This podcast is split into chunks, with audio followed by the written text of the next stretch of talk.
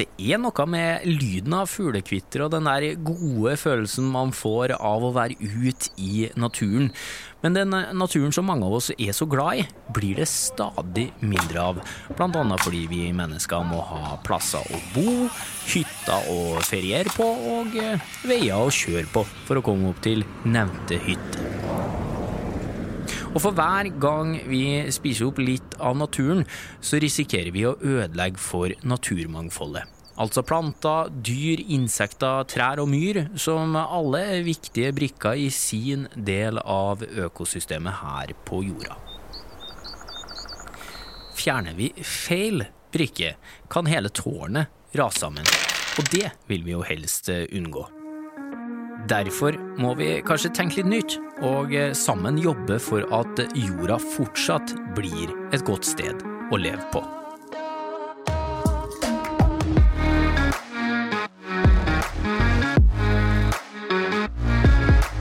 Du hører podkasten Smart forklart med Aksel Faanes Persson. Hjertelig velkommen til en ny episode av Smart forklart, podkasten fra oss i Sintef der du risikerer å bli litt klokere og få litt større tro på framtida for hver eneste gang du lytter innom. I denne episoden så handler det om naturmangfold og hvilke grep vi kan ta for å ta bedre vare på det. Og for å forklare for oss der, så er det duka for et aldri så lite gjeste-comeback. Hun er tilbake, sjefforsker Rakel Tiller. Takk skal du ha. Ja, si det nok en gang, det her er en podkast som ville ha gjort seg enda bedre hvis vi hadde hatt publikum i studio. Eh, Rakel, da, dama med lilla hår og en arbeidsmoral av stål. Og for anledningen en, eh, Det var litt dramatikk før sending her, så. Eh, for akkurat nå så sitter eh, Rakel med en bandasje på venstre pekefinger. Ja, det er rett og slett fordi jeg er klønete. Det er uh, klart å kødde til når jeg skulle ta og vise niårige sønnen min hvor utrolig flink jeg var til å skrelle ingefær, og det var jeg ikke når jeg skrella bort en tredjedel av fingeren min. Ja. Og så rett og slett røyk bandasjen på veien hit. Ja, og det det skal ikke gå i detaljene, eh, men det var litt blod, eh, og så har vi fått stoppa det akkurat nå, og så må du tenke du sier fra hvis du holder på å besvime, skal ikke vi ha den avtalen? Det skal vi gjøre. Så får vi se, se hvordan det går, da. Du, eh, sist du var innom, Rakel, så var det for å fortelle hvordan vi kan bruke manetslim til å fange mikroplast. Det er jo litt over et år siden, og nå er noe annet da, som opptar all din tid, nemlig å redde naturen fra å bygges ned. Det stemmer. Målet mitt nå det siste året har jo vært å jobbe med teknologiutvikling og naturmangfold. Og det med manetslim som vi snakka om, det var jo et eksempel på hvordan en fremmedart kan komme inn og rett og slett ta over et økosystem. Sånn som det vi har i Indre Fjorden i Trondheimsfjorden. Og, og den maneten det er jo et eksempel på en sånn fremmedart. En art som kom inn og spiste opp larvene og gjorde sånn at torsken forsvant. Og fremmede arter er det en av de tingene som ødelegger naturmangfold. Men det er også en del andre ting som ødelegger naturmangfoldet. Og nå vet jeg dere er lei av å høre dere her, for nå har dere endelig vent dere til en klimakrise, alt går til helvete, og så kom det en plastkrise, og det er nanoplast som kommer inn i hjernen, og så kommer jeg og forteller at det er en naturkrise. Ja. Og skulle ønske jeg kunne la være. Ja, men vi må snakke om det. Det er jo ingen liten oppgave du har tatt på deg, men heldigvis er det flere i verden som prøver på det samme som deg, så helt alene i den kampen er du ikke. Men, og nå tror jeg du driver på å rekke opp fingeren hele tida, men du holder den bare høyt så ikke skal blø. Men, men hvor, la oss hoppe rett inn, ja. Hvor kritisk ligger det an nå, for naturmangfoldet sin del? Ja, altså vi, vi opplever jo at vi er inne i en stor masseutryddelsesevent. Vi eh, antar at det er opptil en million arter som kan dø ut ganske snart. Og hittil så vet vi faktisk bare om rett under seks millioner arter på jorda, så det er ganske dramatisk når en sjettedel av artene på jorda skal forsvinne. Og vi vet ikke engang om det er alle artene vi vet om, eller om det er masse arter som har dødd ut som vi ikke vet om. For vi har ikke nok kunnskap om artene engang. Hmm. Hva mer er det som står på spill enn en bare arter? Hva legger du i arter? Ja, arter, altså Naturmangfold er jo så simpelt som å si at det er mangfoldet i naturen, men det er variasjonen i naturen. da. Det er som at i et, i et gitt område så har vi ikke bare eh, en skog. Vi har også en skog som har insekter, og den har bier, og den har mennesker, og den har masse forskjellige trær, ikke bare ett tre. Så vi har et mangfold, vi har masse variasjon, og denne variasjonen er helt kritisk for at vi skal kunne få denne balansen i naturen, som gjør at du og jeg kan leve, at vi kan puste, at vi har rent vann, og at vi kan gå ut og fiske, at vi kan spise mat. Men er det, altså, ja, og så er det så mye av det, da. For å stille det jævelens advokatspørsmål. Er det så farlig om én art forsvinner, om litt natur forsvinner? Ja, det er mange som tror at det kanskje ikke er så farlig, og sjøl har jo jeg sagt det mange ganger, liksom bare ah, hva skal vi med all den her myggen, da, for eksempel. Altså, er det noe som kan forsvinne, så er det nå bare myggen for min del, altså. Ja. Eller edderkoppene, fjern dem, det går helt fint. Men det er jo ikke det, sant? for det her er jo en kaskade av forskjellige eh, insekter og dyr og mennesker som alle sammen lever sammen. Og du kan jo risikere å ta bort akkurat den biten som gjør at alt raser sammen. Uh, og jeg kan tenke på et eksempel. Jeg vet at dere nesten alle sammen har spilt Jenga. Så Jenga er det tårnspillet sant? hvor du skal ta ut én og én bit, og den som sitter igjen helt på slutten og, og raser sammen hele tårnet, har tapt. Vi risikerer akkurat nå å være den idioten som raser sammen hele tårnet. Fordi nå har vi begynt å ta det ut i en bit, det gikk bra. Og så tar vi ut en bit til, det gikk også bra. Og sånn har vi fortsatt kjempelenge. Men nå begynner det her Jenga-tårnet å vakle litt. Og vi må være fryktelig forsiktige. Og mulig må vi begynne å ta noen av bitene og putte dem tilbake. For at det her tårnet kan kunne stå lenger. Ja. Er det, altså, det, det, var et godt bilde, og det er jo ofte det som hjelper her nå, å få et bilde på hvor, hvor kritisk det er. Da. For det, tallene sier det, ja, det er, skummelt, uh, men har vi liksom, har vi, merker vi allerede i Norge f.eks. effektene av at naturmangfoldet er trua? Ja, Noen merker det jo veldig godt. Folk i Oslofjorden eksempel, merker det jo veldig godt. Ser hva vi mennesker har gjort med naturen. Så jeg kan jo si at Det er jo fem store drivere av tap av naturmangfold som gjør at vi ødelegger vår egen natur. Og en av de tingene det er at vi ødelegger arealene som de er på. Det betyr vi tar bort skogen, eller at vi eh, tar og drenerer en myr f.eks. Det er ting som gjør at vi endrer arealet. Det er også forurensing som vi snakker om plast f.eks. Plastforurensning, eller som i Oslofjorden, at det går kloakk rett ut i Oslofjorden. Eh, du har eh, også veldig mye klimaendringer. Det er jo en veldig naturlig del, men det er også noe som vi er med på å gjøre. Eh, for å, for å rett og slett bidra til at det blir varmere, og at vi får mer stormer. Og så har du typisk sånn jakt og fiske, at vi fisker for mye. Og det er jo det som har skjedd da i Oslofjorden. Du har fiska for mye, du har sluppet ut uh, altfor mye kloakk, du har avrenning fra jordbruket. Du har enorme mengder skipstrafikk i det området, som gjør at du får invaderende arter. Du får de her fremmede artene som jeg snakka om. En av dem for eksempel er jo havnespy, det er en fremmed art. Oi, hørtes hyggelig ut. Havnespy. Akkurat som du, altså Hvis du ser bilder, bare google havnespy. Det er disgusting. Det ser ut som spy.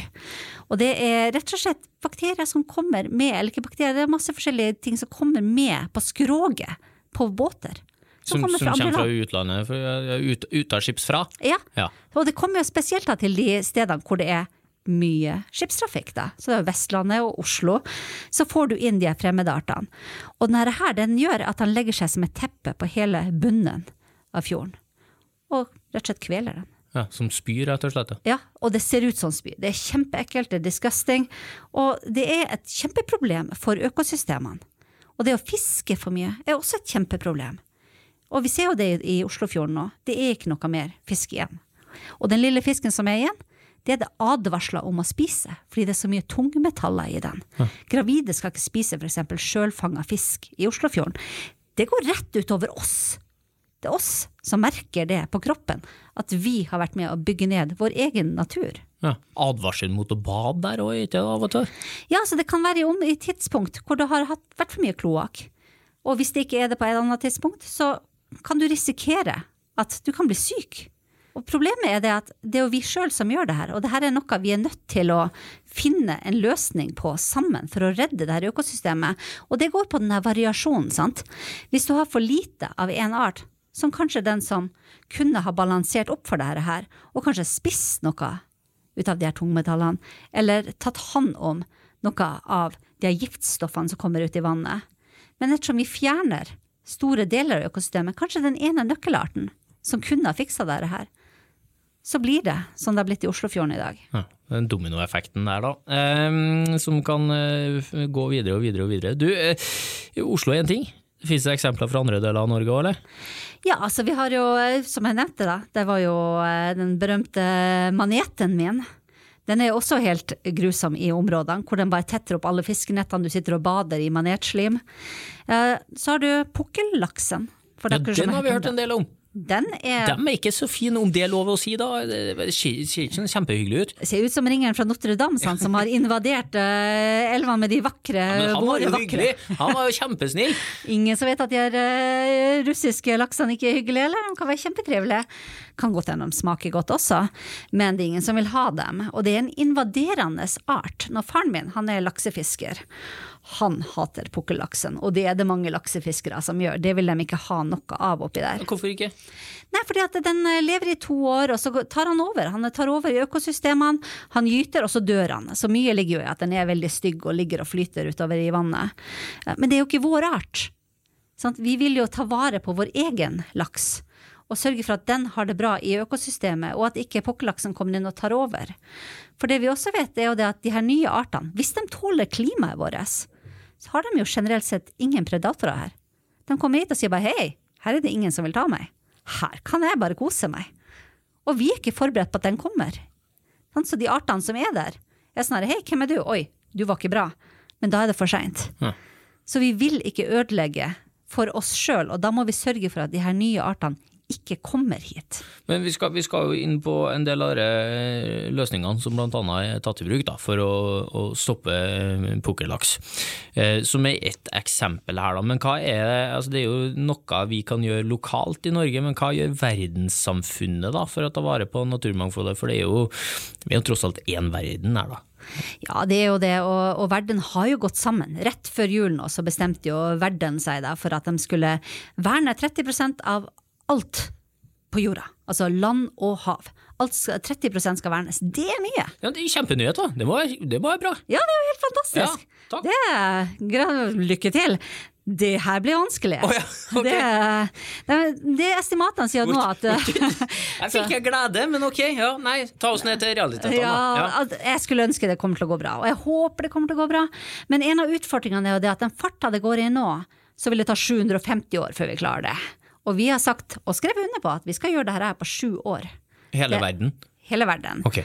Og det er snakk om at vi i Norge verner i dag 2% av havområdene våre, så nå skal vi verne 30% Samtidig som vi skal putte vindmøller på havet og på alle fjell.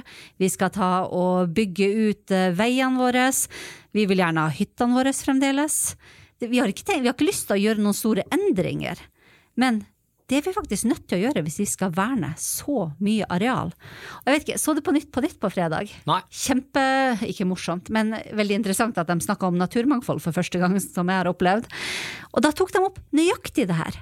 Og det var det at akkurat nå, så utafor Lillehammer, så skal de skal bygge en firefelts motorvei.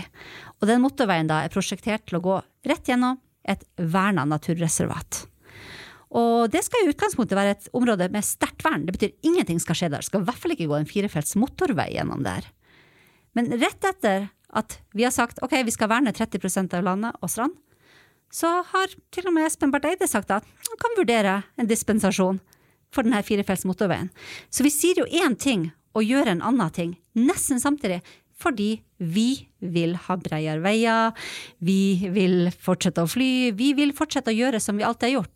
Vi vil bare ikke at noe skal endre seg. Nei, men kanskje vi da må finne nye måter å, løse det der på, da, som gjør at vi faktisk kan, kan leve litt sånn som vi vil, da, men samtidig ta vare på naturmangfoldet. Men bare for å eh, ta de tallene, da, for du sa 2% av havet eh, i Norge er verna nå, og så 17% av land, ikke sant? Ja. Og så skal vi altså opp på 30 på begge. Ja. Eh, hvordan kommer vi til å merke den økninga? Vi kommer jo til å merke det blant annet ved at det muligens ikke blir så mange firefelts motorveier som vi ønsker at det skal bli. Eh, eller at de er nødt til å finne alternative måter å ha de her veiene på. Bygge litt på steder hvor det allerede er utbygd. Ta i bruk områder som allerede er Jeg, sier, eh, jeg bruker hermetegnet her med å si ødelagt, men altså det er menneskebrukt allerede. At vi ikke bare tar ny natur At vi faktisk ser på at kan vi bruke noe vi allerede har brukt. Litt som resirkulering av områder, resirkulering av natur. Ja, Så hvis jeg skulle bygge meg en næringspark nå, så hadde jeg bygd det oppå en allerede eksisterende næringspark, så kanskje det er noe smeltverk som vi ikke har bruk for lenger, da, og så har det blitt rasert, og så bygger vi oppå der. Ja, for eksempel. Eller landbasert havbruk, for eksempel. Putte det på et gammelt industriområde som ingen bruker noe mer, som også kanskje er rett ved kysten. At du prøver å ta i bruk områder som allerede er tatt, Ja, og allerede er brukt, og kanskje kassert. ok. Ja, men er det noen områder som er viktigere å ta vare på enn andre når vi skal drive på og verne? Sånn generelt sett så vil jeg jo si nei, alt er viktig. Men noen områder er kjempeviktige, og i Norge spesielt da så har vi myrområder. Og igjen, hvis du er litt som meg, så tenker du at hvorfor skal vi verne myra, av alle ting? Men eh, myra er kjempeviktig, og jeg vil bare ta som et eksempel, da. Fordi mammaen og pappaen min bor i New Orleans, og jeg vet det er ikke i Norge. Men det er også mye myrer der, det er sumper der, og i de områdene der, så i 2005 så kom det en svær orkan inn. Og den orkanen ja, endte opp med å ta livet av 1000 mennesker, kjempestore ødeleggelser, flommer i hele byen. Og en av grunnene til at det skjedde, det var fordi at sumpene har blitt nedbygd. De har, opp, har jobba i flere hundre år mot konseptet 'drain the swamp', som i for seg Donald Trump tok og populariserte gjennom valgkampanjen sin. Men 'draining the swamp' for dem betydde få bort sumpen, bygge opp hus, gjør det her til noe mennesker kan bo i. Og ved å gjøre det, så har de rett og slett ødelagt for seg sjøl. Så at orkanene som kommer, blir ikke stoppa av sumpen lenger. De bare svosjer rett inn. Hvorfor stoppa sumpen det? Hva, hvilken funksjon hadde sumpen der? Det er det at når orkanen kommer inn på land, så sikrer han farta si. Han går saktere. Fordi det er trær og sånt Ja. som står i veien? liksom? Det er trær, det er mark, det er, det er noe som stopper dem. da. Det er, okay. ikke, det er ikke ren, åpen kom rett inn. Nei. Så det, på grunn av det så blir det da mye større ødeleggelser enn hva det noensinne var før. Og i tillegg til det, så igjen mamma og pappa hvert år, så må de sitte og helle masse sand utover plenen sin. Det ser ut som en sandstrand på plenen deres. Og da kan du sitte og se den sanda synke ned i bakken. Og det er fordi de har bygd kanaler i hele New Orleans. Igjen, for å tilrettelegge for mennesker. Det er veldig naturlig, det bor mennesker der. Men på grunn av det, så har de endt opp i en situasjon hvor landet synker. For det kommer saltvann inn, det graver seg ut, og det bygger seg ikke opp igjen. Noe på utsida. For det, altså, elva flommer ikke over og tar med seg masse slam for å bygge opp igjen sumpene, fordi igjen, det bor mennesker der. Men pga. det så må de da gå ut og legge svære sandsekker, ikke si, de må helle ut all sanda, over hele området. Og det bare synker ned. Du kan se det synker ned i bakken. Det er for å liksom er det som når vi pælmer mel på, på Når vi baker noe, og så tar vi mel oppi for å gjøre det fastere. Er det det som er funksjonen til sanda, eller hva Ja, er det blir vel litt det, da. Det Det gjøre det fyller bare på, liksom? Ja. Fordi at det nå ikke er noe Det er ikke noe trær, for eksempel, som burde ha vært der for å suge opp fuktigheten i Ja, bakken. det er ingen slam som kommer, og saltvannet derfor kommer inn og graver det bort. Og det er invaderende arter der som sitter og gnager opp røttene til de trærne som er der. Alt dette her er scenarioer som kan skje i Norge også, hvis vi fjerner sumpene våre også, og alle tidevannsmyrene våre. Det er områder vi er nødt til å verne. De beskytter oss mot stormer. De er med på å suge opp vann, sånn at ikke vi blir overflomma. Og de tar vare på enorme mengder karbon. Og det er også en utfordring. Hvis vi skal drive og grave bort myra, så graver vi jo bort de naturlige karbonlagrene våre. Så husk at en av driverne for tap av naturmangfold er igjen klimaendringer. Vi er nødt til å holde karbonen som vi har i bakken. Men eh, alt det her, da. Holder det å verne, bare? Tror du? Eller må vi gjøre noe mer? Ja, vi må gjøre mye mer enn å verne. Altså igjen, sant, Når vi har de her driverne sant, som er forurensing, og det er arealendring, det er fisking og fangst og det er, det er, De fem store driverne må vi jobbe med samtidig. Sant? Vi må kutte i forbruket vårt, vi må endre forbruksmønsteret vårt. Vi må gjøre alle de tingene vi ikke har lyst til å gjøre i det hele tatt. Men det er faktisk en av tingene vi er nødt til å være med på. Men det andre vi må gjøre, og som var en del av den internasjonale avtalen, er at vi må faktisk hjelpe andre land med å gjøre det samme. For det er en ting at vi kan gjøre dette her, men det er 17 land i verden som har mellom 60 og 80 av all naturen. Altså det er nesten all naturen i verden ligger på 17 land i verden. Og det er bare to av de landene som er vestlige land, da. Det er Australia og USA. Resten er utviklingsland. Og det betyr at for at dem skal stoppe med å kutte ned regnskog, eller driver med jordbruk som ikke er bærekraftig, så må de få bidrag fra oss til å kunne ha andre måter å leve på. Andre måter å tjene penger på. For de skal også kunne drive med utvikling. Men vi må hjelpe dem til å stoppe tapet av natur i deres områder også. Ja. Og i tillegg eh, altså eh, begynne å tenke litt nytt eh, sjøl òg, da. Men da, det er her jeg håper teknologien kan komme litt inn, da.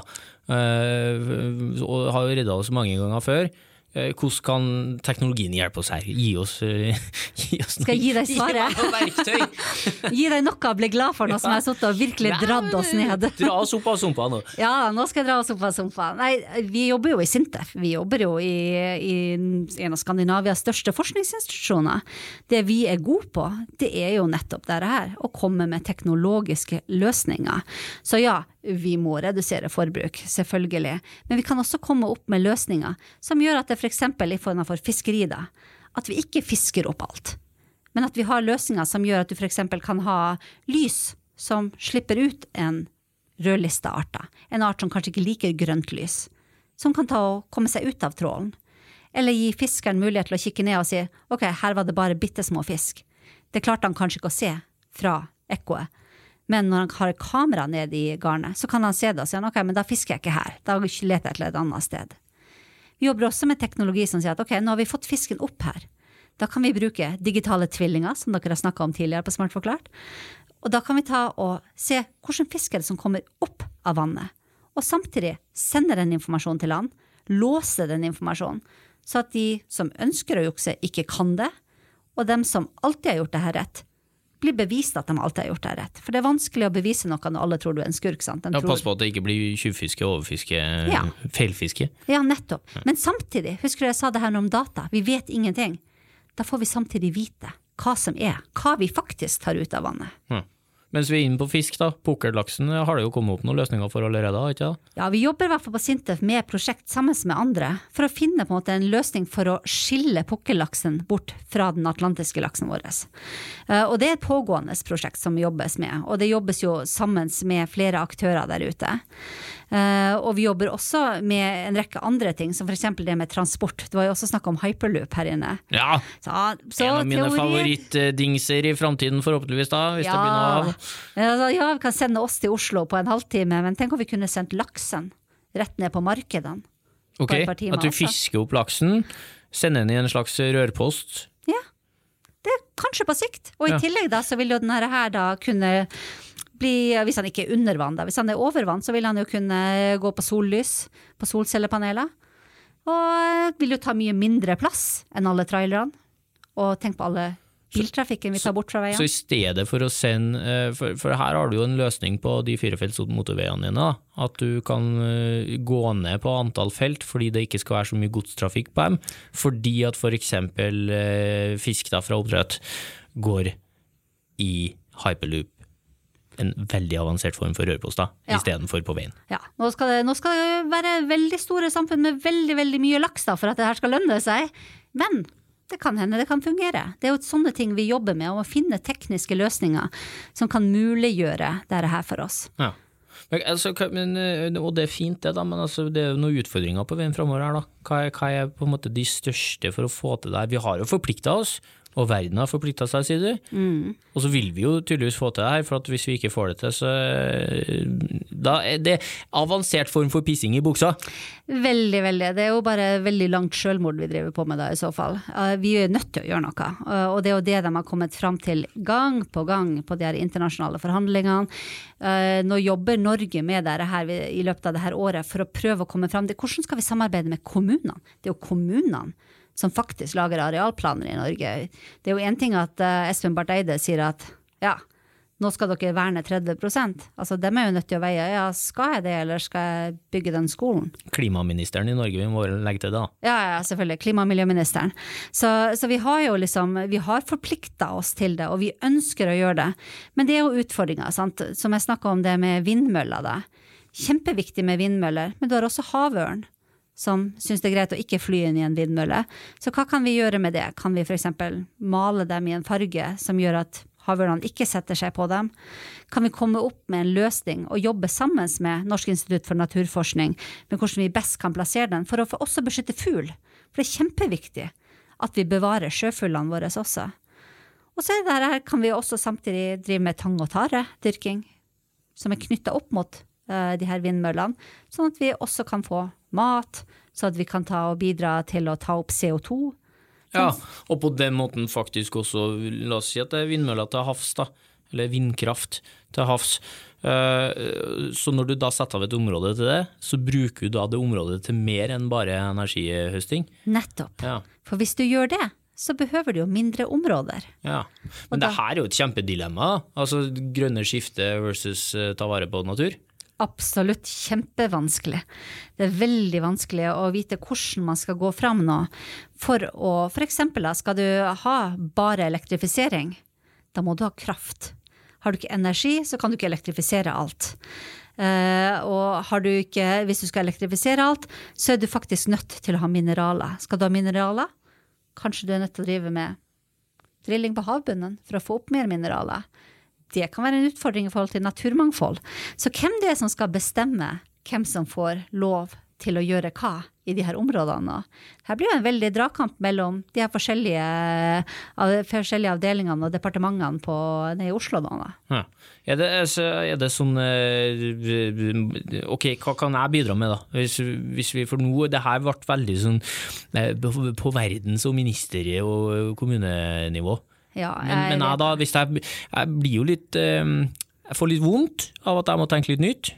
Samtidig som man vil jo bidra i dugnaden. Men hva kan man gjøre da? Nei, altså det, det er jo en kjempevanskelig en, og jeg tenker jo på det her veldig ofte, uh, sjøl også. Ja, du klarte å gi slipp på, på firefelt motorvei. Og, Jeg liker jo også å kjøre fort på veien, og jeg liker også den nye iPhonen min som absolutt uh, har for mye mineraler i som det ikke finnes noe på jorda. Rakel er ikke sponsa av Apple. Nei.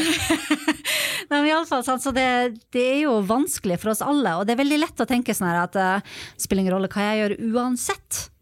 Fordi at det har ikke noe stor poeng, eller nå har jeg ødelagt mitt eget argument med å si at det er bare 17 land i verden som, eh, som faktisk har natur, så who cares hva vi gjør i Norge. Det betyr veldig mye hva vi gjør i Norge. Og det betyr veldig mye i forhold til at vi er nødt til å ta et ansvar på våre egne vegne, men også at vi må hjelpe de her andre landene til å komme seg på det her nivået, til å hjelpe dem til også å bevare natur. For det er samme lufta vi puster. Og vannet går i havstrømmer. Vi er nødt til å ha den lufta som kommer fra regnskogen.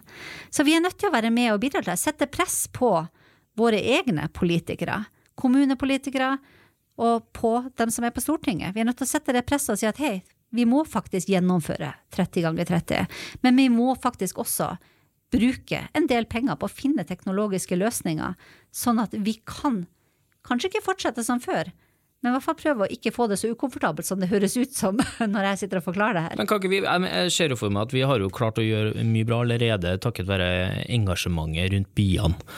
Eh, Med en gang det ble kjent liksom at uten biene så går det eh, straka veien nedåt, så begynte jo folk å engasjere seg. Og alle ble fan Ja. av disse søte biene. da. Eh, Og det det er jo kanskje hjelper det hvis vi bare snakker litt om det òg. At vi begynner å bry oss om naturmangfold, at vi begynner å prate om det, at vi begynner å engasjere oss sånn. Det, kan det holde. For å ta et sånn minimumsengasjement her nå? Ja, må ha et minimumsengasjement. Og jeg så at det var en veldig stor debatt bare litt tidligere i fjor, eh, som gikk da på de her Via Ferratene, de her klatreparkene oppe i fjellene. Da var det et enormt engasjement fra klatremiljøet om ødeleggelse av natur. Det er jo det nivået vi må komme på. Men en, en stor utfordring for oss når det kommer til natur, det er jo at all natur er jo ikke søte, nydelige bier. Det er mye termitter, insekter, haugevis av insekter, de fleste er faktisk insekter. Det, vi har jo utrydda de aller fleste eh, pattedyrene, sant? så vi har ikke de store karismatiske, vakre dyrene. Det er ikke så mange av dem igjen. Eh, og det er jo også tragisk i seg sjøl. Jeg satt akkurat og så på den filmen eh, Avatar. Jeg vet ikke om du setter den nyeste Avatar-filmen. Ja, Den er en av de heftigste filmene man kan se på kino akkurat nå. Ja, Disse blå var- folka. Den var fantastisk, og den hadde naturmangfold som et nøtteskall. Så hvis du ser på hele den, så ser du mye ut av det vi snakker om i naturmangfoldsdebatten. Urbefolkninga har levd i harmoni med naturen Og så har da vestlige verden og våre krav om komfort og veier og mineraler kommet inn og rett og slett tatt over og ødelagt så mye. Så det handler veldig mye om det der med å leve i harmoni med naturen. Og det her er jo en av de tingene de snakker mye om i de store globale avtalene også. At vi må jobbe mer som urbefolkninga har gjort, og ikke se på naturen som bare et gode til oss, men si at vi er en del av naturen. Men det der, ikke der! Hollywood er interessert. Da, vet du, da kan det snu. Eh, det er jo lovende. Og så vil jeg jo bare altså, Sånne ting jeg har sett i media de siste tida, da. Jeg syns jo det har blitt mye mer eh, fokus på det. Det kan jo være fordi at jeg vet av deg og at jeg har blitt påvirka gjennom deg, da. Men det har jo sett sånne ting som at eh, istedenfor at alle skal ha en uh, svær hytte med svært tun, så er det enkelte hytteområder nå som begynner å lage sånn fellesareal også der. Mm. Altså et felles hyttetun. Og så har du plassert fem små hytter da, rundt det tunet og så vil da eh, ett tun kanskje være nok til det som før var to hytter, og så har du plassert fem på de to. Ikke sant? Altså ja, unngått å bruke for mye areal, da. Ja, og det er akkurat det. Sant? Det å sambruke mindre areal. Ja. Og det er også et gode for oss, for da har jo vi mye mer natur å bruke på fritida også å nyte av. Ja, da har du faktisk noe natur å gå i, ja. Mm -hmm. ikke bare et hyttefelt. Nettopp. Ja, skjønner. Du, men eh, er det, hvis du skal se litt, gløtte litt inn i glasskula, eh, hvordan ser framtida ut for naturen vår her på jorda, mener du, da, som er tett på det her? Ja, jeg er jo evig optimist. Jeg er sikker på at det her kommer til å gå bra, og vi er jo nødt til å jobbe for dette her. Det er jo vår felles framtid vi har her. Og som jeg viste tidligere med det Jenga-spillet, så må vi faktisk ikke ta ut de feil brikkene. Vi er nødt til å gjøre det her og gjøre jobben sammen. Og vi har massevis av folk som går foran for å lede veien og hjelpe oss til å nå de her målene. Og det er ikke bare politikere. Dette her er i vanlig presse også. VG har det på framsida, Aftenposten. De går foran for å fortelle oss om hva det er som skjer, sånn at alle sammen kan få et mer tettere forhold til dette her. For vi er kjempeglade i naturen, og ikke bare fordi naturen kan gi oss ressurser som mineraler eller fisk. Vi er glad i naturen for naturen sin skyld, og vi gir naturen verdi for seg sjøl. Og det er kjempeviktig at vi nå sammen setter oss ned og finner ut av hva kan vi gjøre, personlig og sammen, på hele jorda, for å redde naturen, sånn at vi kan fortsette å leve på den. Ja, må takke da for at du eh, går foran, uh, gjør en jobb for oss andre, så kan vi andre eh, begynne å tenke litt vi òg, da. Etter hvert. Skal prøve. Det kjenner, gjør litt vondt det her med firefeltsen, altså, for jeg syns det er så deilig å kjøre på firefelts motorvei, men uh, Ja, får se, vi får satt i gang hyperloopen nå, da. ja, det var det, vet du. Ja, få på plass hyperloop, så kan vi ta til takke med tofelts. Det går bra. Eh, det er en fryd å ha deg på besøk igjen, Rakel. Det gikk da bra med fingeren, eller? Ja, ja, fingeren går det helt fint med. Den eh, sitter fortsatt på? Ja, det er kjempebra. Det er bra. Ja, men supert. Takk igjen, da. Og, takk også til deg som hører på. Evig takknemlig for at du er en del av Smart forklart-gjengen. Og vi er langt fra noen lukket klubb, så her er det alltid åpne dører og plass til flere om man vil få servert en jevn dose med kunnskap og framtidshåp. Kan jo være en fordel da, om du trykker på den der eh, abonner eller følg-knappen der du lasta ned denne episoden, for da får du i så fall beskjed neste gang vi legger ut noe. Og så eh, må vi jo være så ærlige og si at det blir jo jubel her i studio da, selvfølgelig. For hver eneste nye følger vi får, det er så artig. Eh, vi i Sintef er jo et av Europas største forskningsinstitutt, og ferskt forskningsstoff fra oss finner du akkurat når det passer deg på sintef.no, gemini.no, Sintef-bloggen eller ved å følge oss f.eks. på Instagram. Smart forklart er tilbake med nye episoder om ikke så altfor lenge, og i ventetida fram til da skal forskerne her i Sintef fortsette å utvikle teknologi for et bedre samfunn.